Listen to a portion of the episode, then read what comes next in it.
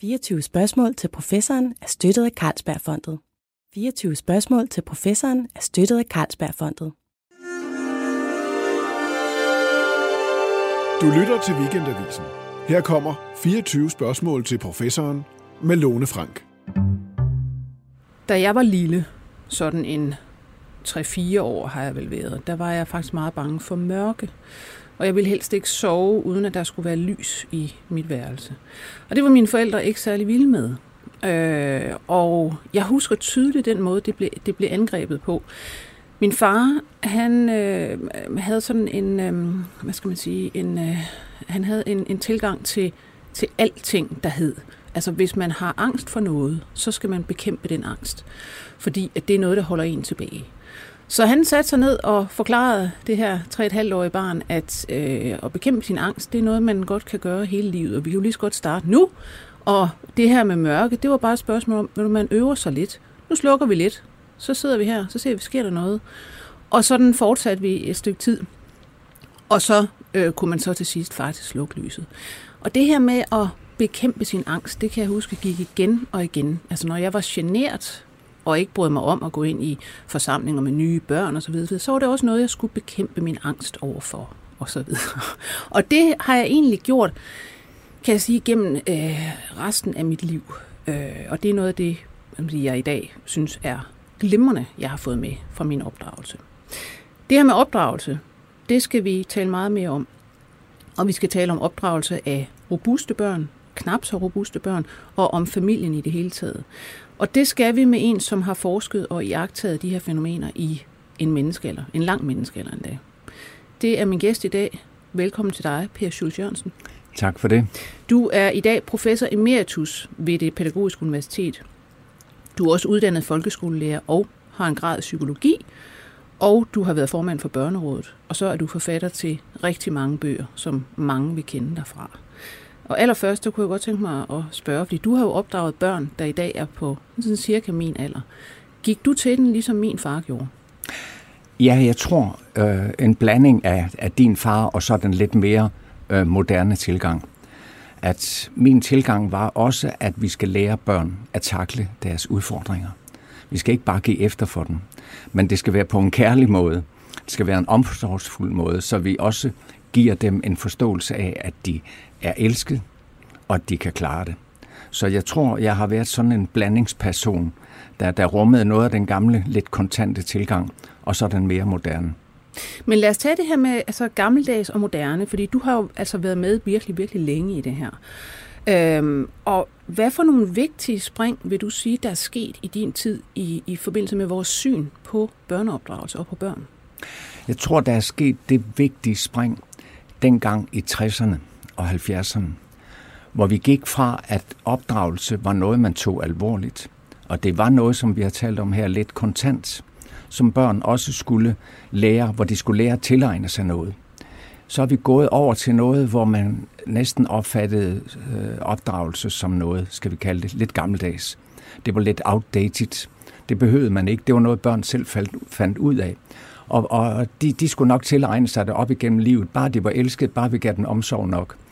Øh, så det, det var et kæmpe spring. Er det 68-generationen, vi snakker om her? Det kan man godt kalde det, 68-generationen. Man kan sige 60'erne som et kæmpe, stort, revolutionerende 10 år, hvor kvinderne kom ud på arbejdsmarkedet, og småbørnsmøderne i stort tal, og, og studenter oprørt, og den seksuelle frigørelse, og det, det autoritære opgør og så videre, og så videre. Og vi begyndte at sige du til hinanden, selv til statsministeren, og alle den slags ting.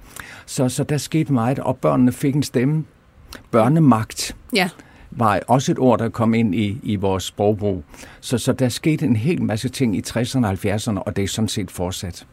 Men er der ikke, øh, hvad skal man sige, er man ikke begyndt på et tidspunkt at sige, ah, det var måske rigeligt meget det der med bare at, at overlade dem til sig selv og gøre dem fuldstændig frie og lade børn definere det hele selv? Øh, har man ikke begyndt på et tidspunkt at ligesom hale ind på den fiskestang igen? Jo, det kan man sige på den måde måske endda, at børnene blev jo i stort tal sendt i daginstitution. Mm. Og så kom der et nyt begreb ind, der begyndte at erstatte opdragelsen og det var socialisering. At børnene skulle lære at begå sig, de skulle lære at omgås andre, de skulle også lære at, at være ordentlige mennesker, selvfølgelig skulle de det. Men, men opdragelsen hjemme hos mor og far, som vi kender den, og du har beskrevet med din far. Mm. Det, det var noget, som man ikke mere rigtig tog sig af. Jeg husker skuespilleren Sofie Gråbøl, der sagde opdragelse. Ja, det ligger mig helt fjernt. Ja. Øh, det er altså et ord, som, som stille og roligt gled ud af vores sprogbrug, så, så det blev altså noget forbundet med noget autoritært, og noget trist, og noget kedeligt og ubehageligt, som vi ikke skulle udsætte vores børn for, for de skulle have kærlighed og, og man kan sige, jo mere fraværende vi var fra dem, fordi vi var på arbejde, mm. jo mere skulle vi faktisk tage os af dem med omsorg og kærlighed, og de skulle lyttes til. Og det er jo så positivt på mange måder. Men mangler der ikke også noget, noget opdragende? Fordi det er ligesom, at vi så i meget høj grad har lagt det over til nogle institutioner, som jo, der er nogle tilfældige mennesker, der er nogle pædagoger, der er nogle lærere, øh, kan de, øh, de kan jo ikke varetage en opdragelsesfunktion. Nej, min opfattelse er selvfølgelig, at vi har sat noget over styr. Vi har betalt en pris. Vores frigørelse og vores frihed har også haft en omkostning. At børn ikke har fået den tidlige dannelse ind i deres liv, som handler om at stå lidt på tæerne, at, at skulle slås lidt med nogle udfordringer, at skulle leve op til nogle forventninger. Mm. Øh, og det er sådan en, en tidlig dannelse, social dannelse, som sker i de første 5, 6, 7 år af ens liv. Og den er forbundet med moral og etik og sociale forventninger. Og man kan også bruge et lidt gammeldags ord som, eller et, hvad skal man kalde det lidt, også moderne ord som ordentlighed. Ja. At børnene lærer at opføre sig ordentligt. Og, og, og alle ved, at det er nødvendigt. Og alle ved, at det, det er ikke noget, der bare kommer af sig selv. Det, det koster også lidt for, for barnet, ligesom det kostede for dig, dengang du skulle lære at sove uden lys. Mm. Og, og så videre, så videre. Så, så vi har sat noget over styr der, som, som gør, at nogle børn måske har fået et, et lidt løst forhold til sig selv i virkeligheden. Ja. Når du nu siger opføre sig ordentligt, så er jeg jo straks med på den som, øh, som barnløs, eller barnefri, som jeg jo kalder mig selv. Altså, fordi når jeg ser på andre menneskers børn, sådan, du ved, små børn, så tænker jeg tit, de der, de opfører sig fandeme ikke ordentligt, vel? Og deres øh, forældre kunne godt øh, opdrage dem til, at de for eksempel ikke behøver at gå ind i andre mennesker på gaden, at de ikke behøver at råbe og skrige i supermarkedet, osv. osv. Når du siger ordentligt, hvad, hvad, hvad mener du så? Ja, så mener jeg for eksempel, at opføre sig sådan, når man starter i 0. klasse, at så kan man indgå i et fællesskab med andre børn, og så kan man høre på en kollektiv besked. Det er jo faktisk forudsætningen for at gå i skole. Øh, at man ikke man lægger sig ned på gulvet og skriger og sparker og siger, at det vil jeg ikke, og, og skal hele tiden skal have en særbehandling. Øh, at opføre sig ordentligt, det er også at kunne tage hensyn til andre. At leve sig ind i andre. Have et, skal man sige, et, et minimum af empati og forståelse for, hvordan andre mennesker tænker. Mm. Og det er sådan noget, man tilegner sig, samtidig på den lidt hårdere måde, men man tilegner sig den ved, at der stilles krav til os. Og det er hele denne, som psykologien siger, internalisering af normer. De ydre normer bliver indre normer. Mm. Og det er på den måde, de overtages, overtages af os. Men de skal altså stilles i miljøet. Og, og hvis et barn vokser op i et miljø, hvor det er lige meget, hvor man bare går fra bordet eller siger, det gider jeg ikke spise det der, og, og den slags ting, jamen så, så får man jo også det indtryk, at, at jeg, sætter, jeg sætter selv mine egne normer. Ja. Og så bliver det et mig-selv-samfund, vi får ud af det. Ja, der bliver vel også rigtig, rigtig mange sammenstød for sådan et barn senere i livet. Med der nogen, bliver mange som siger, sammenstød. Jeg vil, jeg vil, nej, det er mine normer, der gælder her. Du skal ikke, og så videre, hvis alle siger det. Jamen det er klart, der bliver rigtig mange sammenstød, og, og det er jo mennesker, der kommer til måske at stå lidt i vejen for sig selv og deres eget liv, for de er lidt svære at omgås. De er også svære at have til bords ved en middag, for de snakker kun om sig selv, og de er optaget af sig selv. Men man kan også sige, hvis vi tænker lidt dybere psykologiske konsekvenser, det er også mennesker, som som ikke har den indre tiltro til sig selv, mm. for de har ikke en platform, de står på. De har ikke en indre målestok. Jeg bruger også til at udtrykke det indre kompas. Ja. Og et indre kompas, det udvikles gennem de første, lad os så bare sige 5, 6, 7 år. Der lægges grundlaget for det, og så udvikles det jo videre, men, men rammerne skal lægges der. Ja. Og der skal man have en fornemmelse af, hvad der er op og ned, hvad der er rigtigt og forkert, og hvad der er ens betydende med at leve op til nogle forventninger, og hvornår jeg skal have mod til at sige fra. Det er denne robusthed, som, som, som er nødvendig for at leve i et samfund, og ikke mindst et samfund som vores, som, som er meget på mange måder uoverskueligt. Ja. Og det er lidt kaotisk indimellem. Der er vir- forvirrende meldinger, og, og, og samtidig synes vi slet ikke, at vi kan se en retning for, hvor man skal bevæge sig hen. Men du skal altså have en indre målestok. Og jo mere forvirrende et samfund er, jo mere stilles der krav om dette indre målstok. Mm. Ellers bliver du konfus selv. Ja. Vi skal, vi skal over til at snakke om det her med, med robuste børn. Men først så kommer jeg til lige i tanke om, når, når du siger det her med, med mig og mig og mine egne normer osv., så, så ser man jo, og har talt meget om, i, i ikke mindst i USA, en kan man sige, en narcissisme-epidemi. Altså at, at personlighedstrækket øh, narcissisme har været for stødt opadgående, når man måler øh, blandt børn i altså den, de, de seneste par generationer. Øh, at, at man står virkelig med rigtig mange, som scorer meget højere på narcissisme, altså som jo er selvcentrering og en netop en, øh, et fravær af ret meget empati med andre mennesker. Ser vi også det i, i Danmark? Det tror jeg slet ikke, der er nogen tvivl om. Mm. Og vi lever jo i et meget individualistisk samfund. Og, og det var sådan set det samfund, der voksede ud af 60'erne og 70'ernes kulturopgør. Ja. Og det blev et samfund, som gav den enkelte frihed, og det var jo befriende. Det var fantastisk. Men, men øh, en af, af konsekvenserne er jo også et meget individualistisk samfund, hvor den enkelte selv finder ud af det. Og, og vi lægger ikke så stor vægt på de fælles normer. Det gjorde vi en periode i hvert fald ikke. Nej. Så derfor var det meget det enkelte selv, der skal finde ud af det. Det skulle børn finde ud af. At, at vi havde det med, med normerne, ligesom vi har det med køledisken i supermarkedet. Vi ved ikke rigtigt, hvad det handler om. Vi går hen og råder lidt i, i køledisken og finder det ene, finder det andet. Så er der et tilbud der, et tilbud der. Og så prøver vi noget af. På den måde også ligesom med de sociale normer. Man prøver sig selv af og finder grænserne. Og skal du selv finde dine egne grænser, mm. så kommer du også til at støde ind på andre. Ja. Så, så der er ikke rigtig vægten på de fælles retningslinjer. Så det blev sådan et samfund, der sagde, jeg har også ret til livet, jeg har ret til lykken, jeg har ret til at tage for mig. Og, og det blev sådan set et mantra, ja. som, som var styrende. Det er sjovt, når du siger individualisme, så kan jeg godt høre, at, at det er øh, det individualistiske samfund, det, det har en negativ klang hos dig. Jeg tænker jo straks, og også tilbage på min opdragelse, igen min far, der altid opdragede mig til, du skal ikke gå ud i verden og hvad det hedder, bekymre dig om, hvad de andre siger om dig, tænker om dig. Du skal gøre, hvad du selv vil. Du skal opfylde dine egne ambitioner, ikke samfundets, ikke mine, osv. osv. Så jeg tænker individualistisk, så tænker jeg, ja, frihed, men selvfølgelig under, under ansvar. Men, men altså, øh, så for mig er det klart positivt, det her med individualisme. Ja, fordi det individualistiske rummer jo også det, der i psykologien kaldes autonomi og det vil sige selvstændighed. Og, og, og hvis mennesket ikke har et indre ståsted, så kan man ikke blive selvstændig, fordi så er du hele tiden på jagt efter, hvor de andre er. Man kan sige, det er det, sociologien kalder det yderstyrede menneske, som hele tiden pejler rundt fra en stor kreds for at finde ud af, hvad er det, jeg skal tage bestik efter, i modsætning til det indre styrede menneske, og det er et menneske, som har et ståsted, som har nogle værdier, som har nogle indbyggede normer. Og det er det, opdragelsen grundlæggende skal give. Man tilegner sig det også fra daginstitutionen og skolen naturligvis, men den grundlæggende moralske, sociale dannelse, den finder sted i familien. Ja, fordi børn ved vel også godt på en eller anden måde, okay, jeg går i institution, og pædagogerne siger sådan og sådan, men det er ligesom det derhjemme, der gælder. Ja, og hvis børn vokser op i en familie, hvor der ikke er tydelige forventninger, hvor der ikke er krav om, at man indgår også med at tage del i pligterne.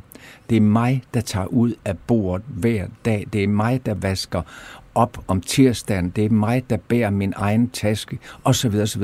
Hvis børn ikke har den indbyggede fornemmelse af pligtfølelse, bare et minimum, når man er fem år, jamen så kan man heller ikke forvente, at de henter når skolelæreren mm. siger, nu, nu sætter vi os alle sammen ned, og så hører I godt efter, hvad jeg siger.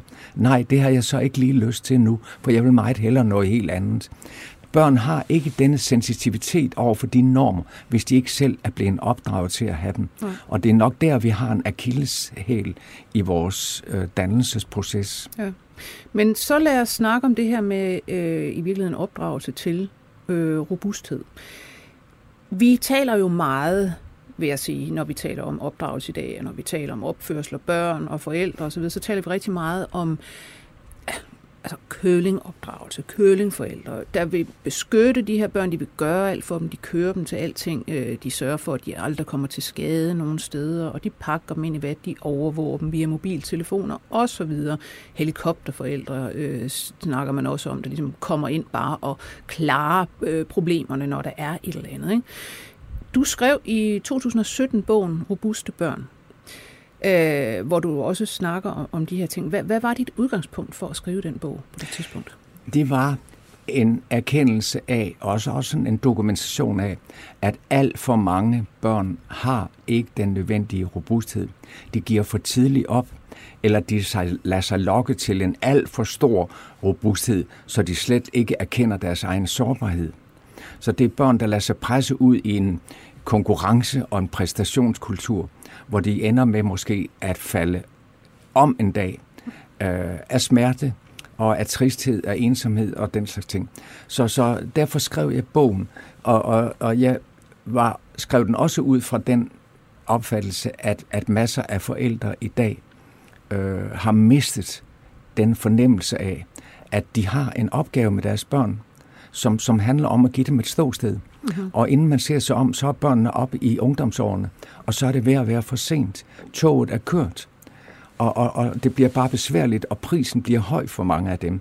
Så jeg skrev bogen ud fra netop denne tro på, at det skulle være et wake-up call. At vi får for mange dårlige signaler om børn og unge, som mistrives, som ikke falder ind i skolens kultur og ikke kan tilpasse sig, eller, eller ungdomskulturens øh, børn, 14-15 års børn, som har enorme vanskeligheder, eller de 18-årige kvinder, hvor en stor andel af dem har skulle have psykologhjælp osv. osv. Masser af signaler, som, som vi bliver nødt til at tage alvorligt og sige, vi kan jo ikke behandle os ud af den. Vi skal heller ikke medicinere os ud af den. Og, og vi skal måske lave vores præstationskultur om, det er jeg med på. Men vi skal også give dem et indre ståsted. Ja. Så det var, det var mit motiv til at skrive bogen. Vi kommer tilbage til det her med, med de stakkels unge og alle deres diagnoser. Øhm, men hvad er det så? Hvordan, for, først, hvordan, hvordan vil du beskrive det robuste barn? Hvad er det for et barn? Ja, det robuste barn er et barn, som kan øh, tilpasse sig en social kultur, og dermed også samtidig bide noget i sig og sige, jamen nu skal jeg rette lidt ind, nu skal jeg holde min mund her, nu handler det ikke om mig, nu handler det om de andre. Uh, et robust barn er et barn, som kan udsætte sine behov. Uh, og ikke bare hele tiden siger, det er mig, mig, mig. Mm. Udsætte sine behov. Det er et barn, der har en tilstrækkelig indre selvkontrol til at kunne styre det behov og rette sig lidt ind efter de forventninger. Men det er også et barn, som kender sin egen grænse, og dermed også kender sin egen sårbarhed. Jeg ved, hvor det jeg bliver ked af det. Jeg ved, hvor, jeg, hvor, hvor nogen kan træde på mig, og jeg ved, hvor jeg ud af erfaringen skal sige fra. Mm. Så, så det er ikke bare om at være stærk, stærk, stærk. Det er om at kunne kende sig selv tilstrækkeligt til, at man kan styre sig selv, og så også være bevidst om, hvor man har en grænse. Mm. Når man siger selvkontrol, så er der jo mange, der, der ser det som i, i udgangspunktet måske sådan en lidt trist egenskab, nogle meget kontrollerede mennesker. Ikke? Men faktisk så ved man jo fra, fra rigtig langvarige studier og store studier, at selvkontrol er lige præcis et, en af de egenskaber, der bedst af alt øh, forudsiger, hvordan det går i livet for folk rent ja. faktisk. Både med hensyn til, hvordan de klarer sig, deres sundhedstilstand, deres øh, sociale forhold osv. osv. Den er virkelig, virkelig vigtig. Lige præcis, og de, de, de studier er jo meget, meget tankevækkende. Og, men du har helt ret i også, at vi har et lidt tvetydigt forhold til selvkontrol. Vi har så at sige overtaget den, den øh, freudianske opfattelse, at det er det, det overtilpassede mm, menneske. Det er hænderne ned langs siden, og, og, og, og så videre, så videre. Det overkontrollerede, det, det triste menneske. Mennesker, der ikke er i kontakt med sine egne følelser og den slags ting. Men, men det er jo kun et meget ensidigt billede. Selvkontrol, det dækker i den mere moderne socialpsykologiske opfattelse, at man kan styre sig selv og det vil sige, at du kan holde et vist målsætning, at du kan lægge en plan, og så følger du den, og du giver ikke bare lige op med det første, og den slags ting. Så det er, er, en, en vis nødvendig kontrol af dit liv, og i forhold til dine egne behov. Mm. At du ikke altid sætter dine egne behov først, men kan skyde dem lidt til side til fordel for det menneske, der står over for dig, eller det projekt, du er i, eller den sociale sammenhæng, du indgår i. Altså i den her bog, øh, Robust Børn, der, øh, der skriver du så også om at, at citere en, øh, virkelig mange studier, der går på at finde ud af, hvordan, hvordan skaber man egentlig robuste børn? Ikke? Og hvad, hvad er det for en opdragelse, man kommer frem til virker?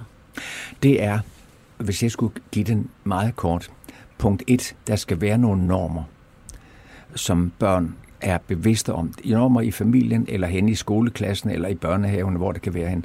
Normer, hvordan vi har det med hinanden. At vi bliver siddende her, når, indtil vi har spist færdigt alle sammen. At vi hjælper, at du selv bærer din taske, at du hænger din cykelhjelm op selv, osv. osv.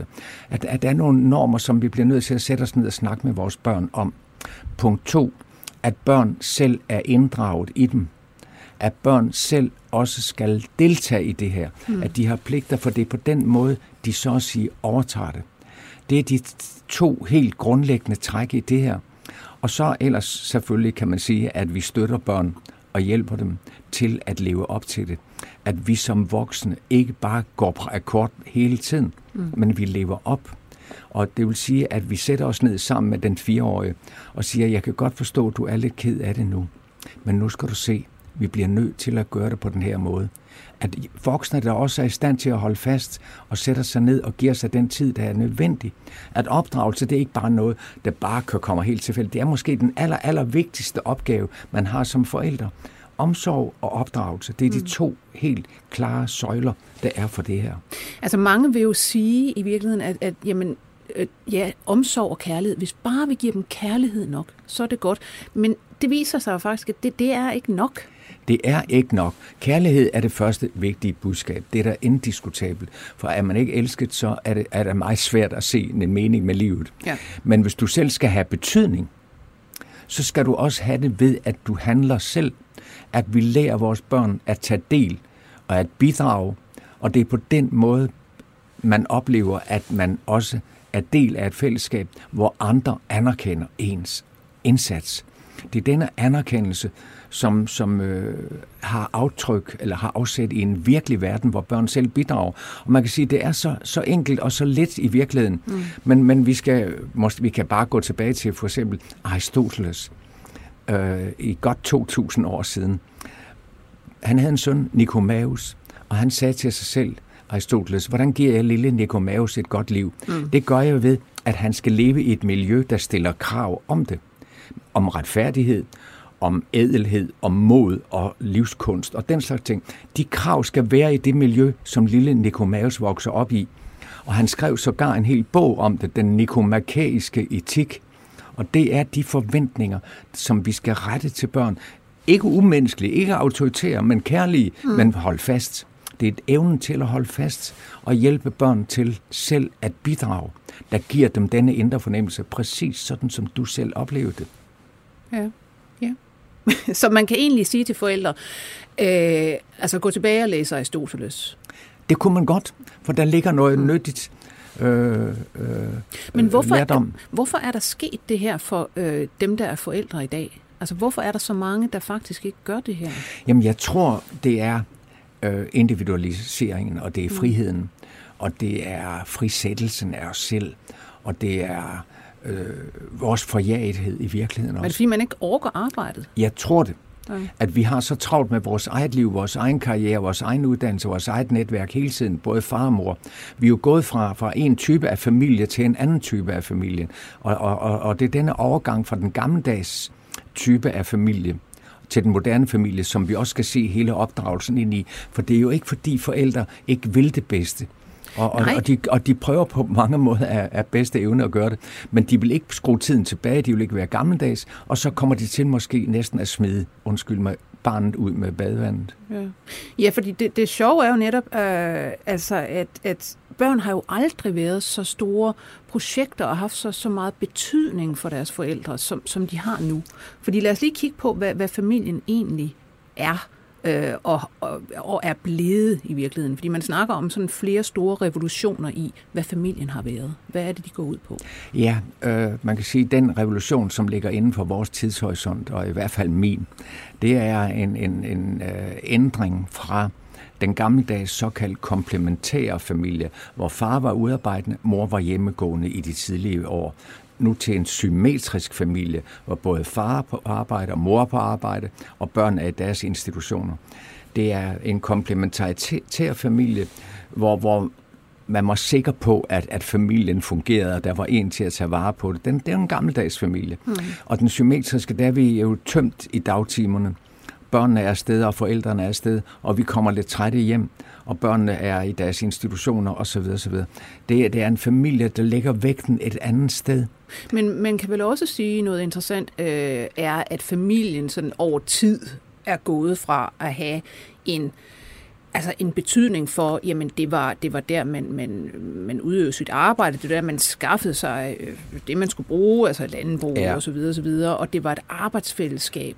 Nu er det egentlig, kan man sige, udelukkende et reservoir for, for vores følelser. Det er en følelsesinkubator. Den har den funktion, at den skal give os øh, noget i vores følelsesliv. Jamen fuldstændig rigtigt. Den gammeldags produktionsfamilie, der var man nødvendig for hinanden og, og, og, og moren øh, producerede øh, tingene hjem til husets øh, underhold, og faren slæbte ting hjem ude fra den store verden, og så videre. Denne produktionsfamilie er jo blevet afløst af, hvad man kan kalde forbrugsfamilien.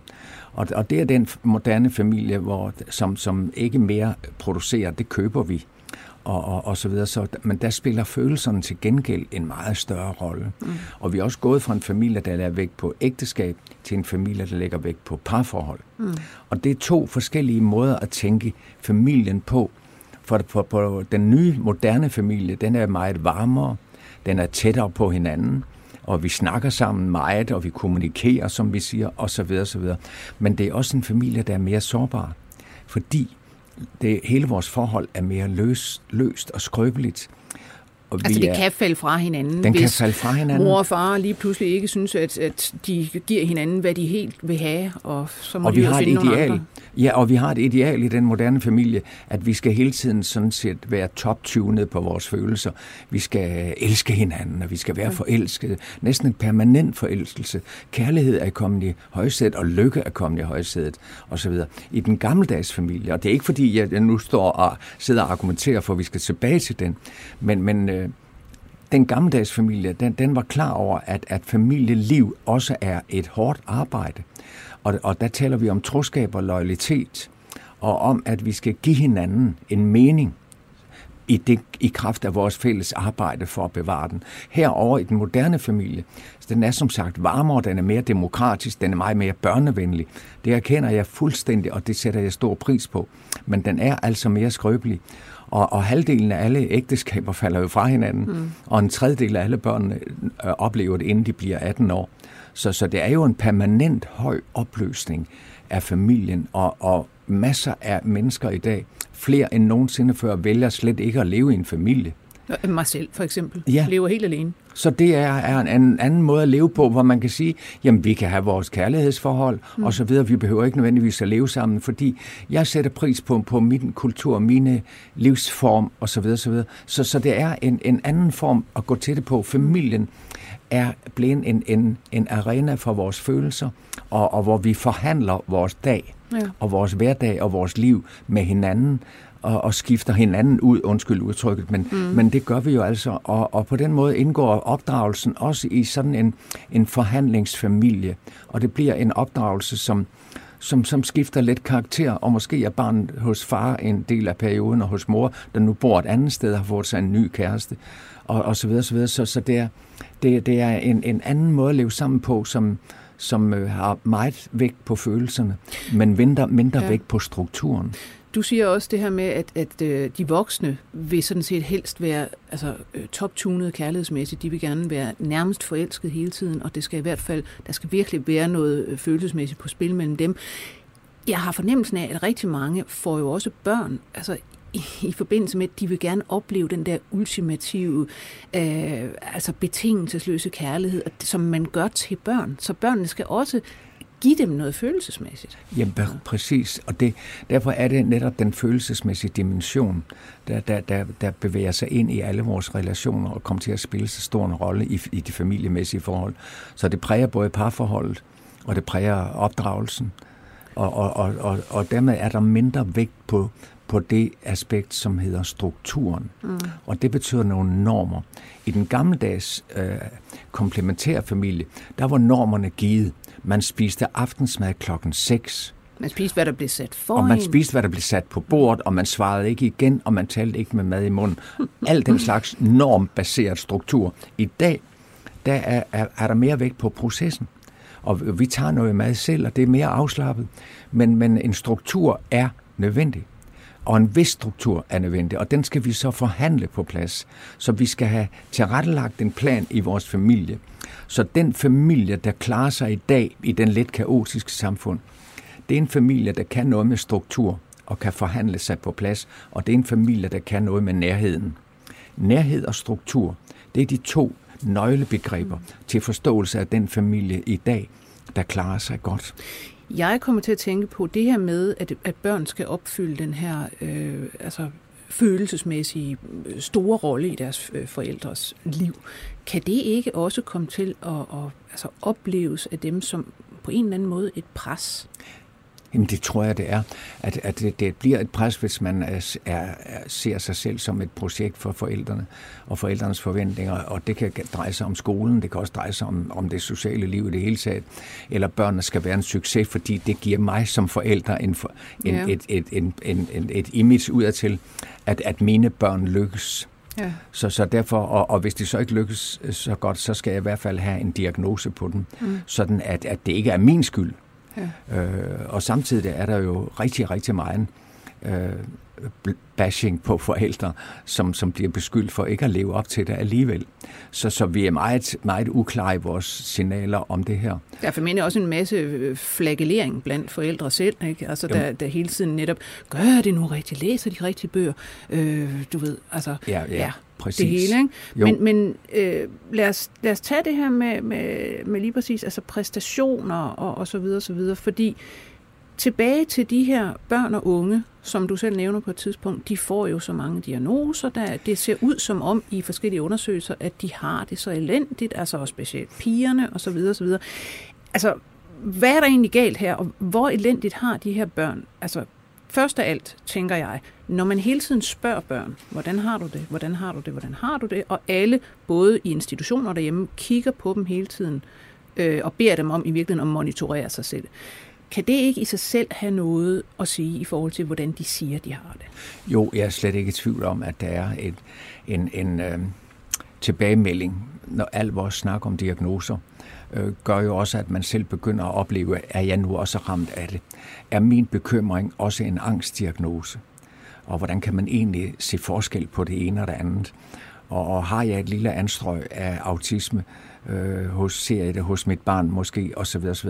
Jeg er slet ikke i tvivl om det, at der er en, en vis gensidighed her. Men, øh, men, men, men samtidig tror jeg også, at mange børn er udsat for så mange belastninger, mm. fordi, som de skal tage stilling til, og har et lidt skrøbeligt grundlag at gøre det på, så de reagerer uhensigtsmæssigt, eller de viser symptomer øh, på det ene og det andet, som øh, berettiget eller ej kan, lægge, kan lede tanken hen på en diagnose, men de har symptomer på noget, som er tyder på usikkerhed, og som tvivl om det er et godt liv, de har. Mm. Og man kan møde børn, der i undersøgelser helt ned i 4-5 års alderen siger, jeg har ikke et godt liv. Man kan sige, at vi kredser om det, vi spørger børn, og vi stiller ja. undersøgelser om det osv. Og, og dermed ender børnene også med at blive i tvivl om, hvorvidt de selv har det godt. Ja. Men jeg tror, og når vi ser på undersøgelser for eksempel af 14-15-årige, så er der en stor andel af især pigerne, mm. som er ramt af usikkerhed og psykosociale diagnoser, psykosomatiske diagnoser med ondt her og der, kropslig ondt, ondt i nakken, ondt i maven, ikke kan sove om natten. Depressioner. Og så, depressioner og så videre, ja. så videre. Og, og pigerne mere end drengene. Hvorfor? Jeg tror, det hænger sammen med flere ting. Også noget biologi måske. Mm. At, at men piger og kvinder er mere relationelt orienteret. De er mere orienteret til at være erkender deres egne følelser og kunne tale om dem, sætte ord på dem. Mm. Dermed er der også mere åbne, men dermed er det også mere sårbare over for det tryk, som et, et turbulent samfund giver, herunder præstationskravene og lignende.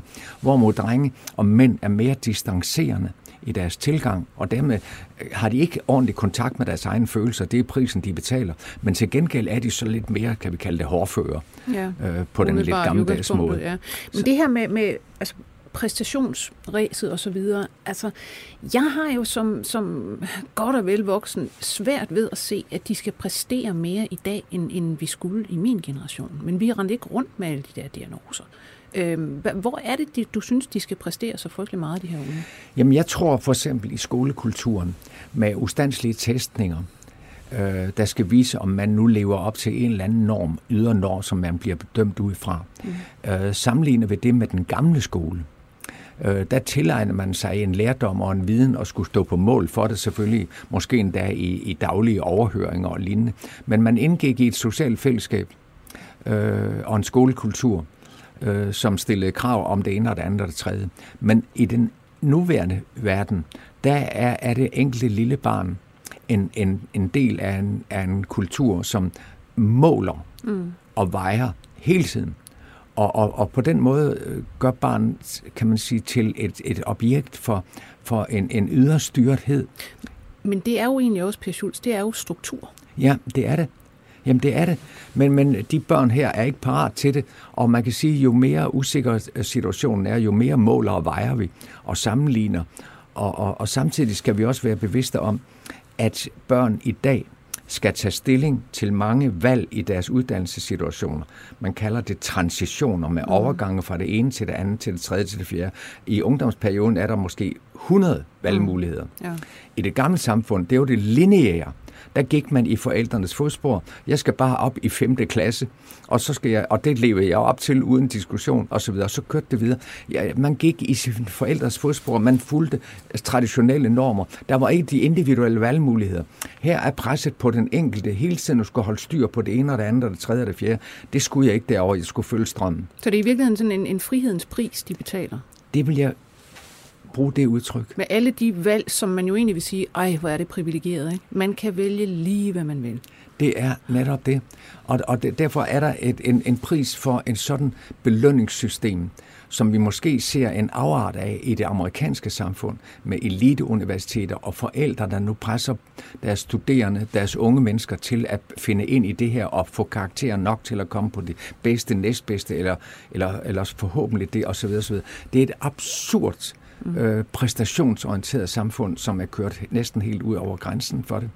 Jeg så, jeg sidder faktisk lige i øjeblikket og skriver en artikel om meritokratiet, som jo kritiseres fra, fra stadig flere hold, og blandt andet øh, er der udkommet en bog, der hedder The Meritocracy Trap, altså meritokratifælden, som ligesom handler om, at ja, det her med, at de små børn skal ind i den bedste børnehave, så skal de i den bedste skole osv., osv., for at komme til toppen og forhåbentlig holde sig der.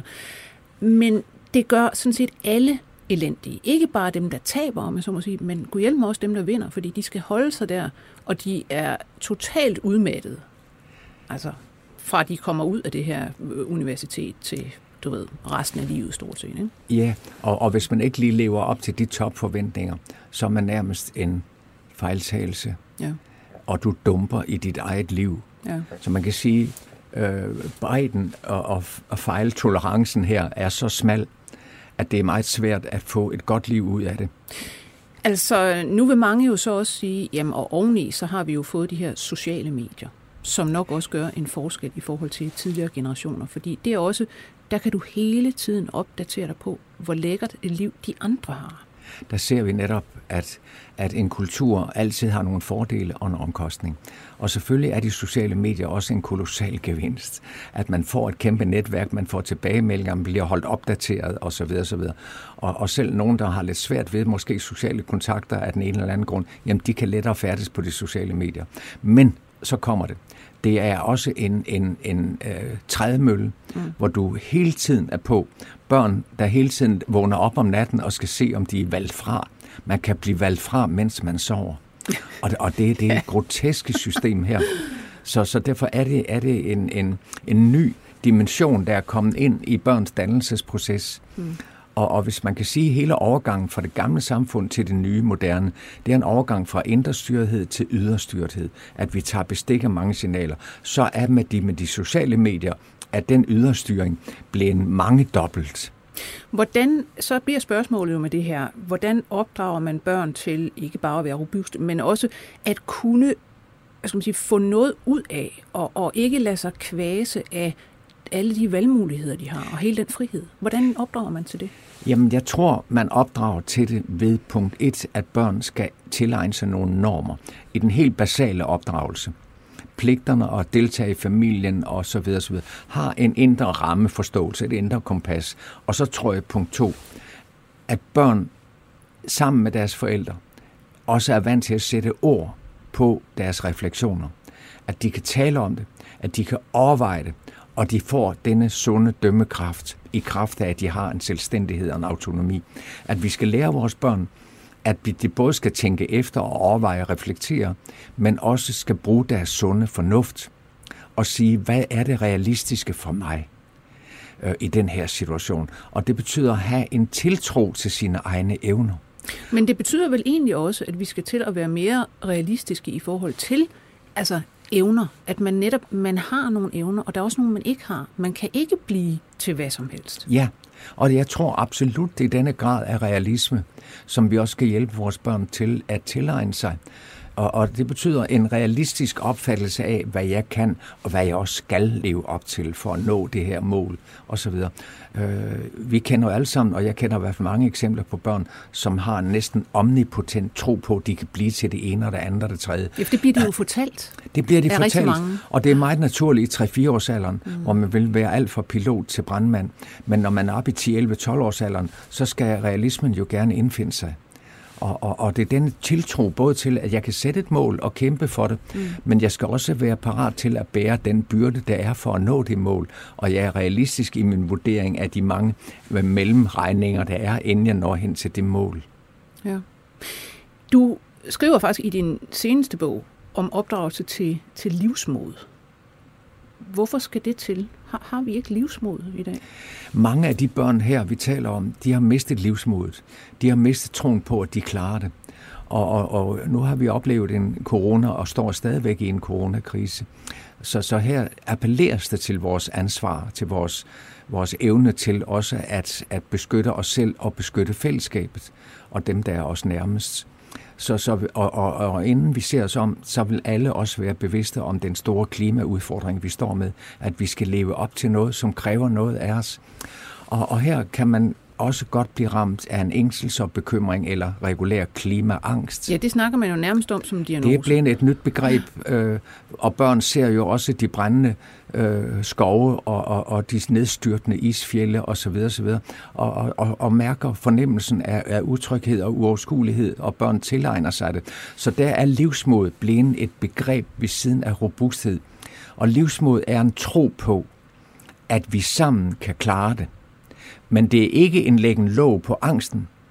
Det er en erkendelse af, at vi står med nogle udfordringer, som vi skal være realistiske i forhold til, og vi skal, vi skal leve op til nogle forventninger, vi skal gøre noget. Jeg tror, livsmod grunder sig i noget, som Paul Tillich, den store religions, tysk-amerikanske religionsfilosof, øh, taler om som, som handlingsevnen. Evnen til at handle og gøre noget. Evnen til at handle har en kreativ kraft, siger han, og den kan hjælpe mig til at tro på, at det flytter noget. Jeg sidder ikke handlingslammet tilbage. Jeg sidder, jeg sidder ikke afmægtigt tilbage. Det er det, jeg kan blive ramt af.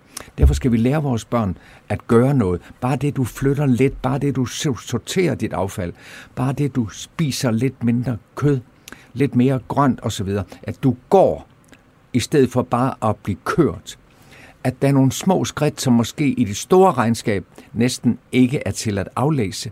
Men i det indre regnskab, i dannelsesregnskabet, der spiller det en stor rolle, og der får barnet en fornemmelse af, at vi sammen kan flytte noget, og det bliver virkelig nødvendigt. Så, så, så dannelse er i virkeligheden ikke bare at kunne forstå øh, sit samfund og sin samtid osv. Det er også at have fornemmelsen af, at jeg kan handle, jeg kan vælge, jeg kan motivere mig selv og øh, føre planer ud i livet. Det er lige præcis der. Handlingskreative kraft ligger i, at jeg gør det. Jeg rejser mig op, og jeg gør det. Og det er denne evne til ikke at falde hen i afmægtighed, som vi skal lære vores børn og det kommer til at spille en kæmpe rolle for dem, ikke kun på det klimamæssige område, men også i deres liv i øvrigt. Man kan sige, at bæredygtighed er blevet en ny nødvendighed. Mm. Hvis vi tænker tilbage til den helt gamle familie, som vi var inde på for lidt siden, der, der var en nødvendighed for, for familiens overlevelse, at børnene bidrog. De havde et arbejde, de tog stilling, og de bidrog osv. osv. I dag er nødvendigheden næsten kommet ud af familien, men den er på vej ind igen, fordi den nødvendighed, der er forbundet med, at vi skal klare det, mm. vi skal håndtere de udfordringer, vi står med, både coronamæssigt og med, med klimaet, og med biodiversiteten osv. osv. Mange af de kriser, der, der, der skal der handles, der skal gøres noget aktivt, og, og, og, og det er det, vi skal lære børn. Her til sidst, øh, hvor, når man opdrager, hvor meget øh, hører børn så efter, hvad der bliver sagt i forhold til at se, hvad forældrene gør? Altså, det vil sige, hvad betyder forældrenes handlinger? Det er selvfølgelig begge dele. Men når børn øh, skal tage bestik af, hvad er det rigtige, så ser de, hvad far gør og hvad mor gør. De hører, hvordan de taler sammen, og de ser, om far hjælper med maden og tager ud af bordet, så gør drengen det også. Og det, vi er som forældre forbilleder for vores børn. Men jeg tror, det er øh, to sider af, af, af mønten, som skal gå hånd i hånd. Nemlig, at, at det er handlingen, det er adfærden, det er vores måde at gøre det på, men det er også, at vi sætter os ned og snakker sammen om det, vi sætter ord på det. Derfor tror jeg, at enhver familie øh, i et eller andet omfang udvikler en familiefortælling om, hvad det gode liv er, hvordan vi kan gøre det med hinanden, hvad vi sætter pris på og, og, og sætter sig rundt om bord og sammen snakker om det. Det bliver til en fortælling, en slags følgetong i familien, hvor, hvor forældrene udtrykker deres perspektiver, og børnene lærer også at, at tage del i fortællingen og blive en del af den. Tak fordi du kom, Per Schultz Jørgensen. Selv tak. Det var en fornøjelse. Og du er jo, som sagt, professor emeritus ved det pædagogiske universitet og forfatter til en lang række bøger om det her. Jeg skal sige, at vi var produceret af Birgit Nissen. Jeg hedder Lone Frank. På genhør. 24 spørgsmål til professoren er støttet af Carlsbergfondet.